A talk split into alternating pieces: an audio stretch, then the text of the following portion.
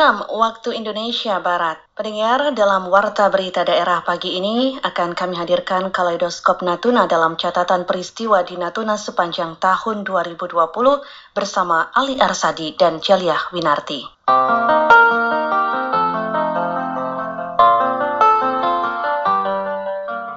Saudara, sepanjang tahun 2020 dapat dikatakan sebagai momentum baru dalam peradaban dunia seiring dengan merebaknya wabah coronavirus atau yang juga lebih dikenal dengan COVID-19.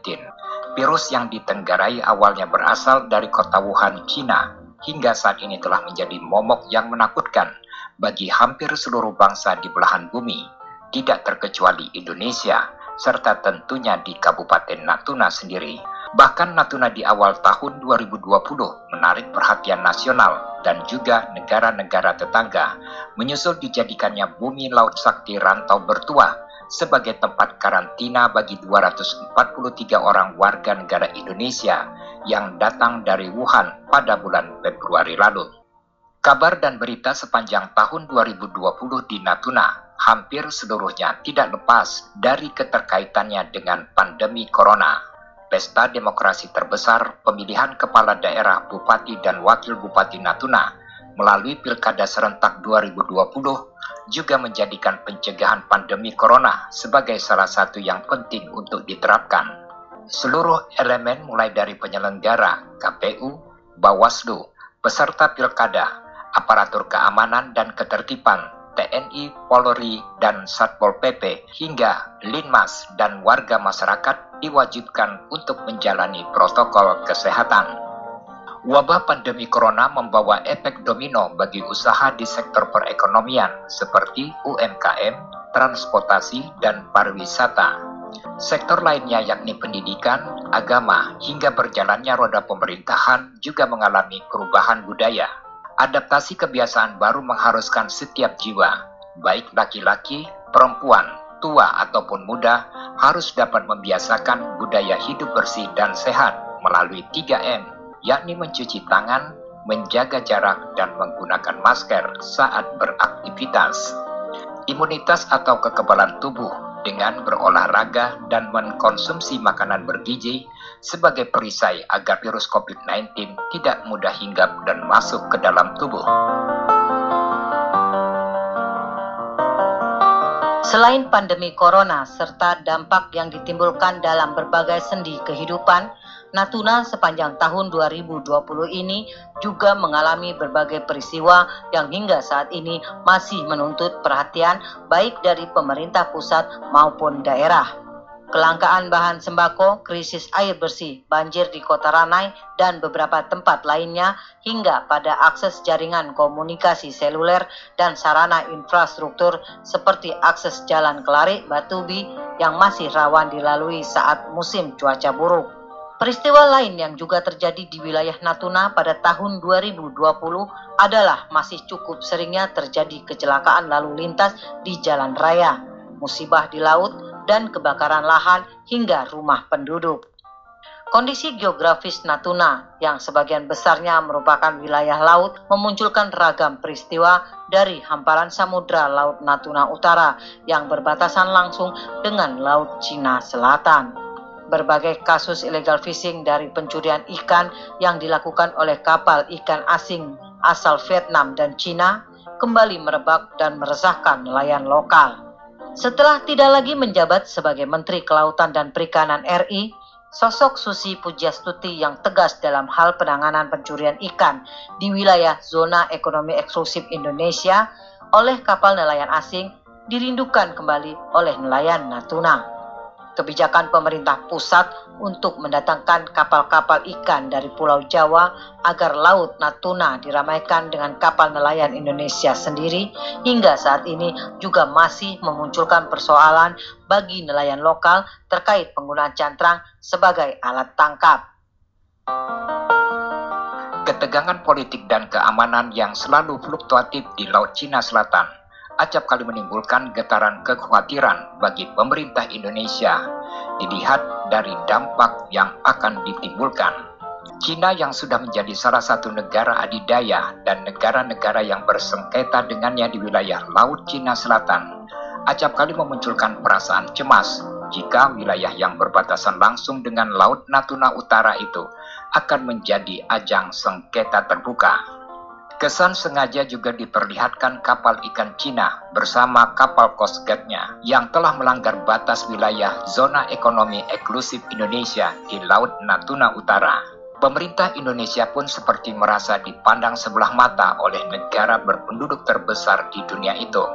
Pada awal Januari 2020, pemerintah Indonesia melalui Komando Gabungan Wilayah Pertahanan Kogab Wilhan 1 mengirimkan 7 KRI untuk menjaga kawasan Laut Natuna Utara.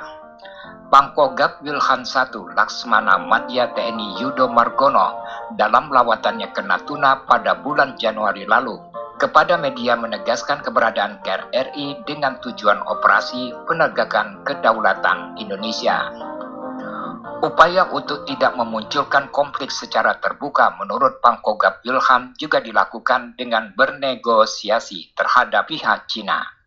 Ya kita sama setiap hari kita gelar KRI, kita gelar uh, pesawat F-16, tapi F-16 kita siagakan untuk yang di teritorial sampai ke JTE. Yang untuk patroli udara maritim JTE menggunakan Boeing, menggunakan CN-235 dan KRI. Angkatan Darat juga menyiagakan seluruh personilnya, baik dari personel di Komando Distrik Militer 0318 Natuna dan juga dukungan dari personel Batalion Komposit Garda Pati Natuna dan personel kompi yang ada di wilayah Natuna. Siaganya personel TNI dari tiga matra dalam menjaga kedaulatan NKRI kiranya mampu meredam terhadap berbagai isu dan kecemasan yang berpotensi merusak keutuhan dan kedaulatan bangsa.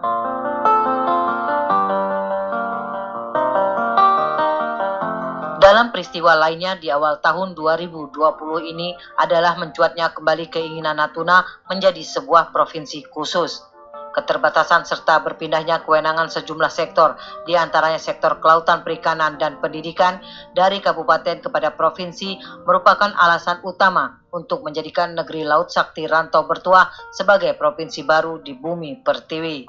Puncaknya adalah pertemuan yang digagas dari kalangan akademisi dengan sejumlah tokoh masyarakat Natuna di kampus Sekolah Tinggi Agama Islam Stai Natuna. Beragam pendapat, saran, dan gagasan dikemukakan dalam forum yang dihadiri oleh Wakil Bupati Natuna pada 23 Januari 2020 lalu.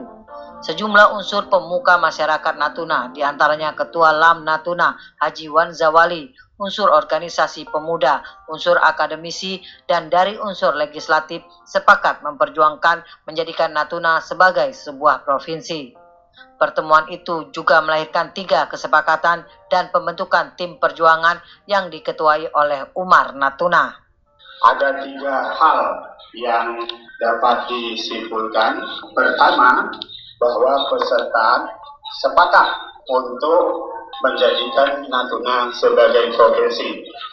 Soal nama dan lain sebagainya itu akan dirumuskan lebih lanjut.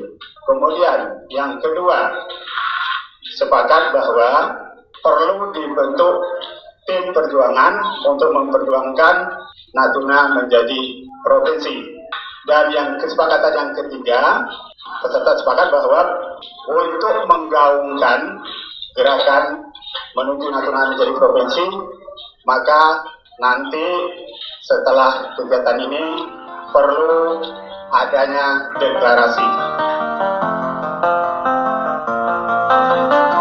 Perjalanannya hingga akhir tahun 2020, langkah perjuangan untuk mewujudkan impian besar Natuna sebagai sebuah provinsi baru seolah masih berjalan di tempat.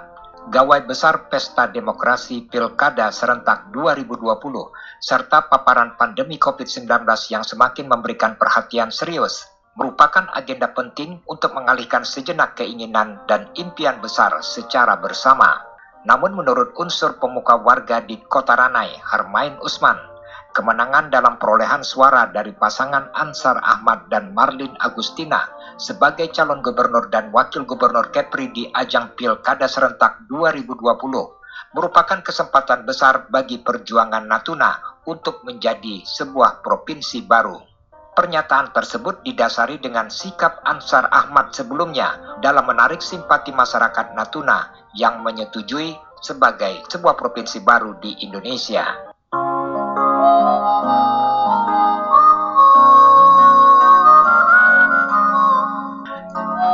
Keinginan untuk menjadi sebuah provinsi juga didorong dengan kebijakan pemerintah melalui Kementerian Kelautan dan Perikanan RI mendatangkan kapal-kapal ikan bertonase 100 GT ke atas dari Pantura Pulau Jawa.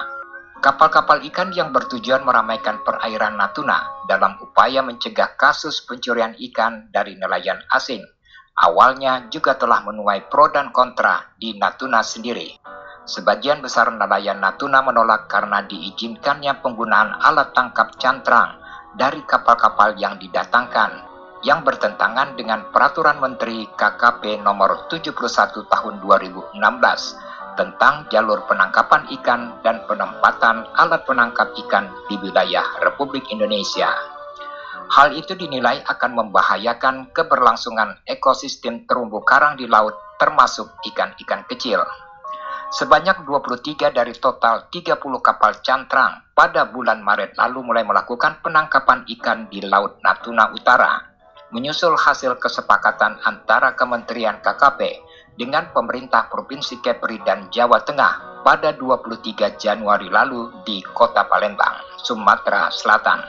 Kehadiran kapal cantrang dari Pantura pada pertengahan tahun 2020 di perairan Natuna, kukan penangkapan di bawah 12 mil di Pulau Subi dan Serasan dikeluhkan dan mendapat protes dari nelayan lokal. Nelayan yang tergabung dalam aliansi nelayan Natuna juga sempat mengadukan kepada pemerintah terkait hal tersebut. Menurut Ketua Aliansi Nelayan Natuna, Herman, dalam aturannya, kapal-kapal cantrang tersebut menangkap ikan di atas 12 mil dari bibir pantai, mengingat kearifan lokal yang sudah dipelihara oleh nelayan-nelayan Natuna.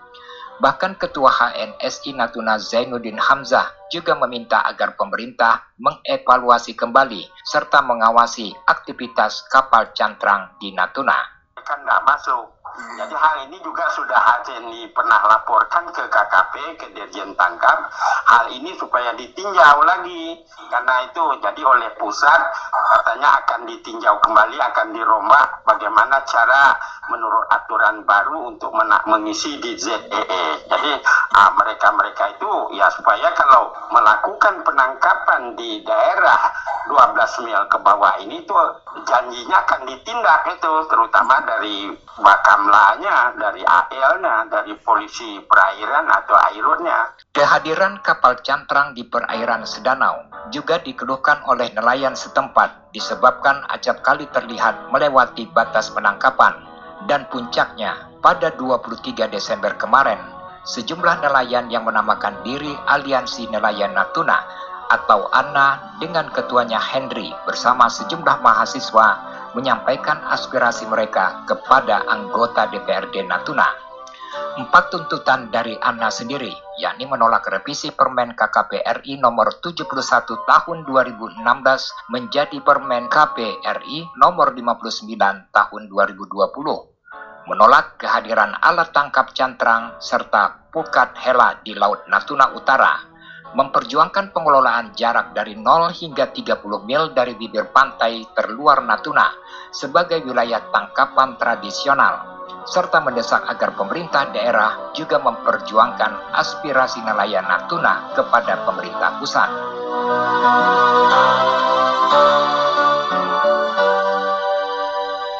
Natuna sebagai beranda terdepan utara NKRI semakin menjadi viral dengan perhatian nasional bahkan dunia internasional setelah pelanggaran batas zona ekonomi eksklusif ZEE kapal Coast Guard Cina. Keputusan pemerintah untuk menjadikan Natuna sebagai tempat karantina bagi kedatangan WNI asal Wuhan, Cina ke tanah air pada awal Februari lalu disambut dengan perasaan galau, cemas, dan kecewa hingga berujung pada kemarahan masyarakat setempat. Masih sangat minimnya sosialisasi dan informasi tentang paparan virus corona saat itu merupakan momok yang menakutkan terkait penyebarannya di Natuna. Keputusan pemerintah pusat yang dinilai mendadak bahkan oleh pemerintah daerah sendiri dengan menjadikan pangkalan Lanut Raden Sajat Ranai sebagai rumah isolasi bagi 243 warga negara Indonesia asal Wuhan disambut dengan protes dan demonstrasi warga. Gedung Dewan dan Pangkalan Lanut Raden Sajat menjadi ajang warga dari berbagai elemen menumpahkan aspirasi mereka.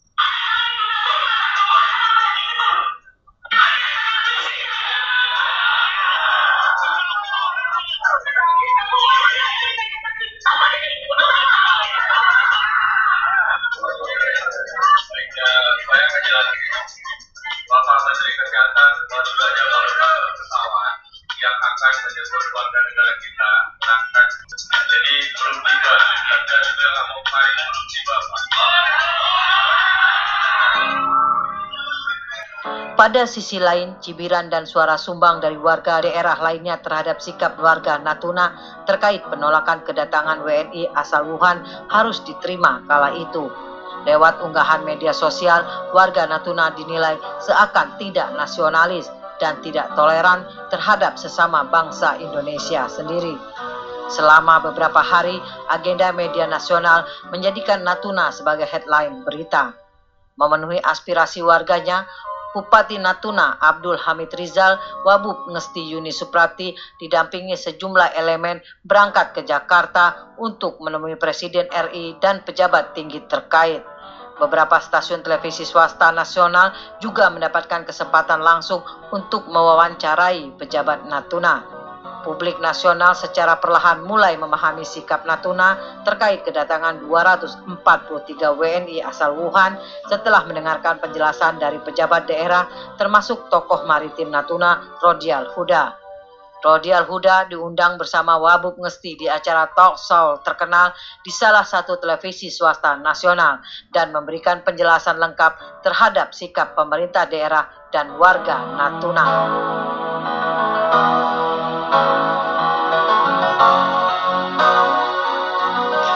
Ibarat kobaran api, suasana memanas secara perlahan mulai reda.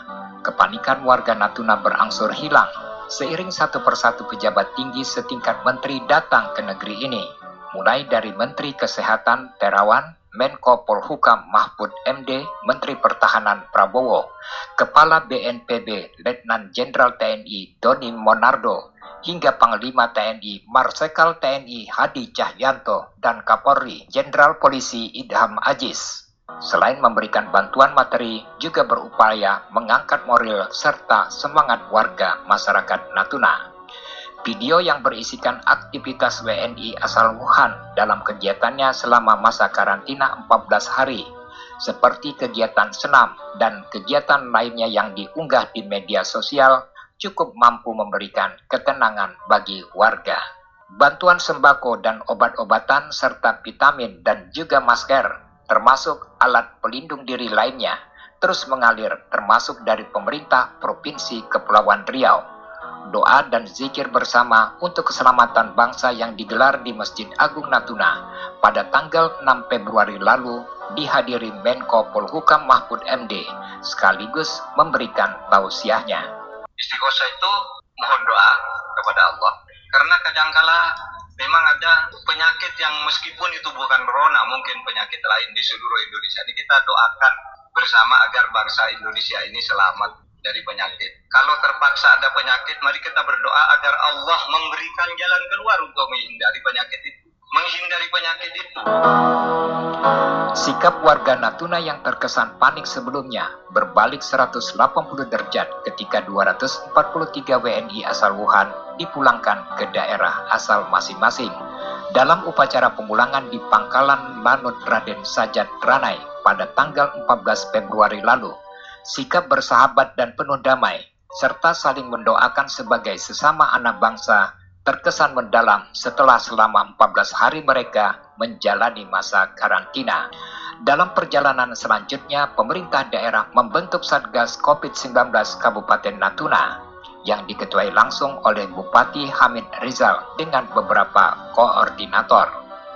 Paparan pandemi corona yang semakin hari terus meningkat di berbagai daerah memberikan dampak terhadap berbagai sektor kehidupan masyarakat upaya untuk tetap menjadikan Natuna sebagai zona hijau, di antaranya dengan menggelar operasi justisi di berbagai tempat, dengan kewajiban penggunaan masker, serta melakukan sterilisasi rumah-rumah ibadah dan fasilitas umum lainnya.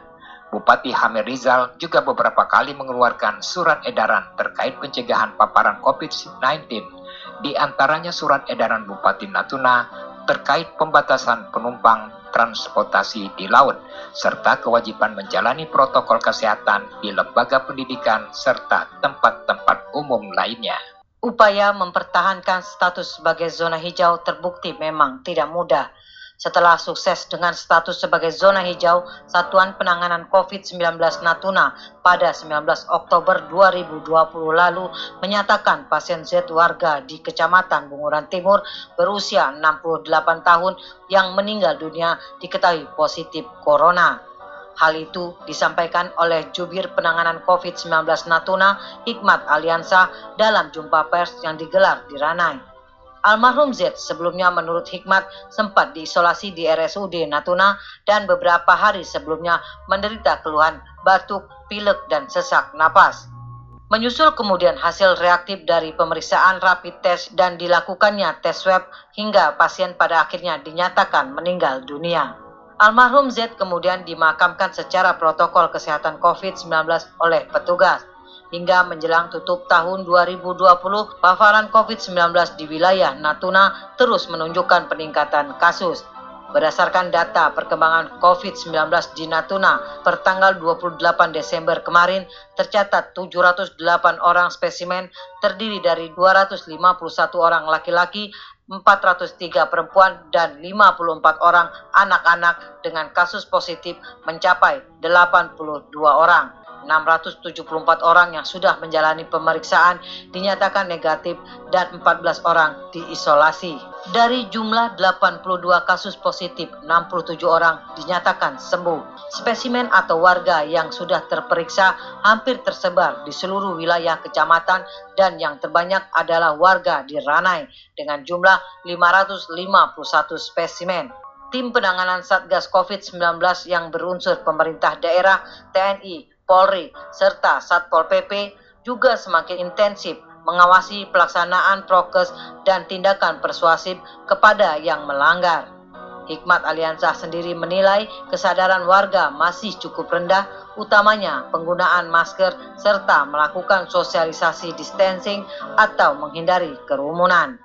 Ya, kalau untuk yang peningkatan kasus ya sepertinya kita melihat trennya sedikit meningkat nih karena uh, di kemarin kita dapat informasi dari RSUD itu kan ada 12 kasus yang positif itu kan peningkatan sih ya. Sisi lain dari penanganan COVID-19 di Natuna sebagai dampak pandemi adalah bergulirnya sejumlah bantuan sosial baik dari pemerintah pusat, provinsi hingga melalui dana desa. Di wilayah Kabupaten Natuna sendiri, pemerintah melalui Kementerian Sosial menyalurkan dua jenis bantuan, yakni bantuan sosial tunai dan bantuan sembako. Untuk bansos sembako disalurkan kepada 2.552 keluarga di 14 desa perbatasan yang diserahkan oleh Menteri Sosial RI Juliari P. Batubara. Di antaranya melalui Bakamla sebanyak 985 paket di Selat Lampa, Natuna pada September lalu. Secara bertahap penyaluran BST di Natuna diperuntukkan kepada seluruhnya 5.784 keluarga penerima manfaat atau KPM. Suara-suara sumbang terkait ketidakmerataan dalam berbagai jenis bantuan yang disalurkan oleh pemerintah juga masih terdengar di sejumlah tempat. Pemilihan kepala daerah Pilkada serentak 2020 menjadi salah satu agenda penting di Kabupaten Natuna sepanjang tahun ini. Gawai demokrasi terbesar dengan melaksanakan pemilihan bupati dan wakil bupati Natuna, serta pemilihan gubernur dan wakil gubernur Kepri dilakukan secara bertahap dengan puncaknya pada tanggal 9 Desember 2020. KPU Natuna dalam rapat pleno rekapitulasi penghitungan suara akhir pada Rabu 16 Desember lalu mengesahkan hasil akhir untuk perolehan suara calon gubernur, wakil gubernur Kepri, dan calon bupati, wakil bupati Natuna. Untuk perolehan suara Cagup dan Wakil Cagup Kepri di wilayah Natuna, pasangan Suryo Respationo dan Sutiawan meraih 8.164 suara atau 18,5 persen. Pasangan Isdianto Suryani meraih 38,4 persen suara atau sebanyak 16.938 suara serta pasangan Ansar Ahmad dan Mardin Agustina dengan suara terbanyak 19.003 suara atau 43,1 persen. Sedangkan pada penghitungan suara akhir pemilihan calon bupati dan wakil bupati Natuna, pasangan Mustamin Bakri, Dery Purnamasari dengan jumlah total suara mencapai 21.253 atau sebesar 47,2 persen suara dan pasangan Wan Siswandi Rodial Huda dengan perolehan suara akhir sebesar 23.727 suara atau 52,5 persen. KPU Kabupaten Natuna akan ke provinsi untuk melakukan rapat pleno terbuka terkait rekapitulasi pemilihan gubernur dan wakil gubernur tahun, tahun 2020 direncanakan di provinsi tanggal tanggal 18. Tahapan penyelenggaraan Pilkada Natuna 2020 yang telah dimulai pada tahun lalu berjalan nyaris tanpa hambatan. Meskipun KPU sebelumnya telah mengundurkan jadwal pelaksanaan sebagai dampak pandemi corona, dukungan terhadap pasangan calon bupati nomor urut 2 yakni Wan Siswandi dan Rodial Huda dari awal sudah terlihat melalui koalisi tujuh partai politik di Natuna, yakni PDIP, Hanura, P3, Gerindra, Demokrat, Partai Nasdem, dan Perindo Natuna. Sementara pasangan calon nomor urut satu Mustamin Bakri, Dery Purnamasari, diusung oleh dua partai politik, yakni Partai Golkar dan Partai Amanat Nasional pendistribusian logistik pilkada di pulau-pulau di kecamatan melalui transportasi laut yang dikawal oleh personel Polres Natuna dengan perjuangan menghadapi ombak yang cukup besar juga berjalan lancar. Secara keseluruhan, pelaksanaan Pilkada Natuna dinilai dapat berjalan sukses, aman, dan kondusif dengan angka partisipasi pemilih mencapai 86,3 persen dari 52.896 jiwa pemilih terdaftar yang tersebar di 170 TPS di 15 wilayah kecamatan. Tercatat seluruhnya 44.988 suara sah yang masuk dari 1.202 suara yang dinyatakan tidak sah. Ketua KPU Natuna Junaidi Abdillah mengklaim jika angka partisipasi pemilih di Natuna sebagai yang tertinggi di wilayah Provinsi Kepulauan Riau. Peredaran dan penyalahgunaan narkoba merupakan peristiwa kriminalitas yang cukup mencolok di Natuna termasuk tahun 2020. Penyuluhan tentang bahaya narkoba juga dilakukan oleh Polres Natuna melalui Satuan Narkoba kepada masyarakat khususnya pemuda.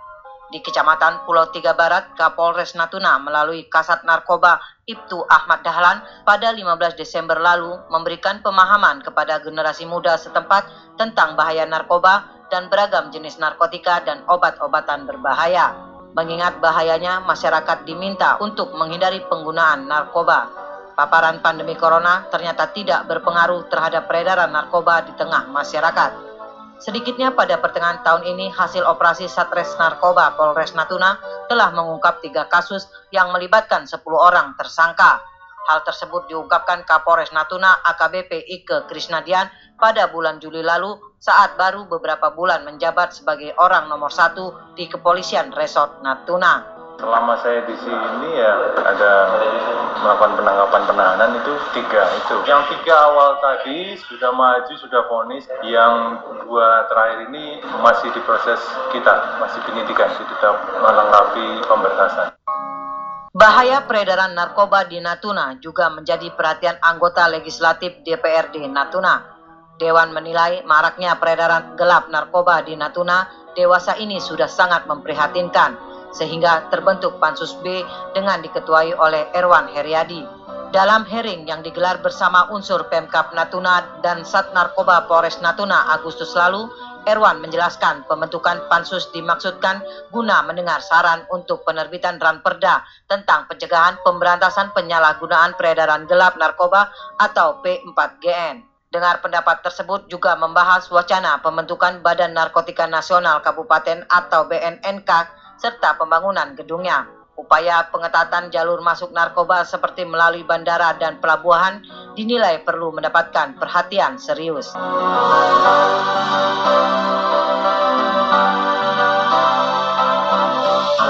Peristiwa bencana di darat maupun di laut juga mewarnai rentang perjalanan di tahun 2020 ini di wilayah Kabupaten Natuna. Selain paparan pandemi COVID-19 yang memunculkan kecemasan banyak pihak, di awal tahun 2020, warga di desa Sebadai Hulu, Kecamatan Bunguran Timur Laut, masih harus merasakan banjir tatkala musim penghujan tiba. Kondisi yang juga tidak jauh berbeda dialami oleh warga di Kota Ranai dan sekitarnya, seperti yang terjadi pada tanggal 24 Juni lalu, yang diakibatkan oleh banjir bandang dengan meluapnya Sungai Batu Hitam dan Sungai Ranai penyediaan drainase termasuk tidak mampu menampung banjir rob yang terjadi pada bulan November lalu. Menurut Kasih Kedaruratan Penanggulangan Bencana Damkar Natuna El Kadar Lesmana, ukuran drainase yang tidak maksimal merupakan salah satu penyebab banjir dan genangan air sering terjadi di Ranai. Selain itu tidak adanya kanal atau tempat pembuangan air. Pria yang aktif turun langsung dalam setiap terjadinya musibah bencana ini berharap pentingnya dibangun drainase yang ideal untuk mampu menahan luapan air. Uh, seperti ini juga kadang di drainase itu ada hmm. juga kadang pipa-pipa sampah sangat susah karena drainasenya masih kecil. Jadi kapasitas drainase itu sudah harus besar dan sudah harus terintegrasi. Setiap drainase itu harus terhubung, harus jelas pemetaan drainasenya Selain banjir, kebakaran lahan juga masih kerap terjadi, termasuk rumah dan tempat usaha warga, seperti yang terjadi di kawasan Jemengan pada tanggal 18 Juli lalu. Peristiwa kebakaran tersebut mengakibatkan lima kios terbakar dengan satu korban meninggal dunia.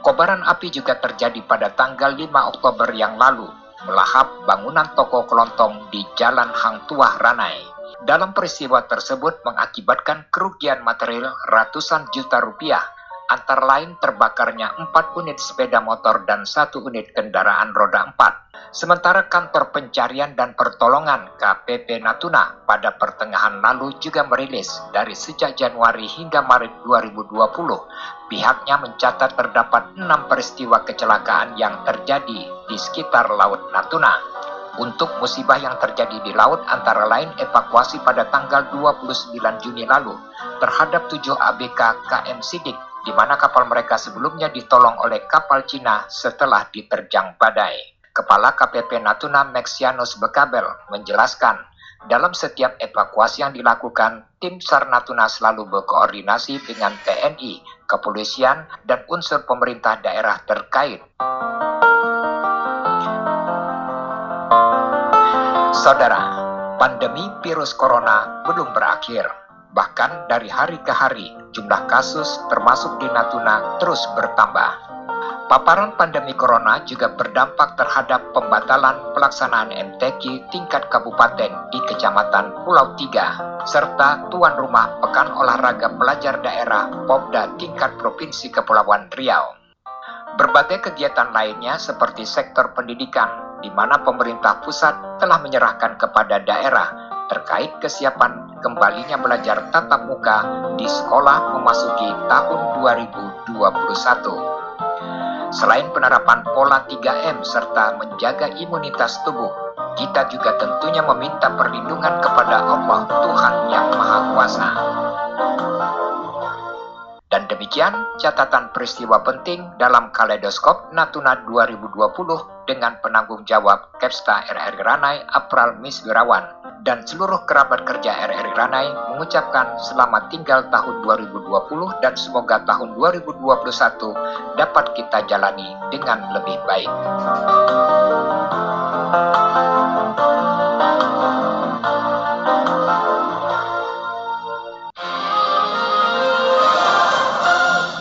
Dan pendengar Warta Berita Daerah pagi ini yang kami sajikan dalam Kaleidoskop Natuna dalam catatan peristiwa di Natuna sepanjang tahun 2020 yang disampaikan oleh Ali Arsadi dan Jaliah Winarti.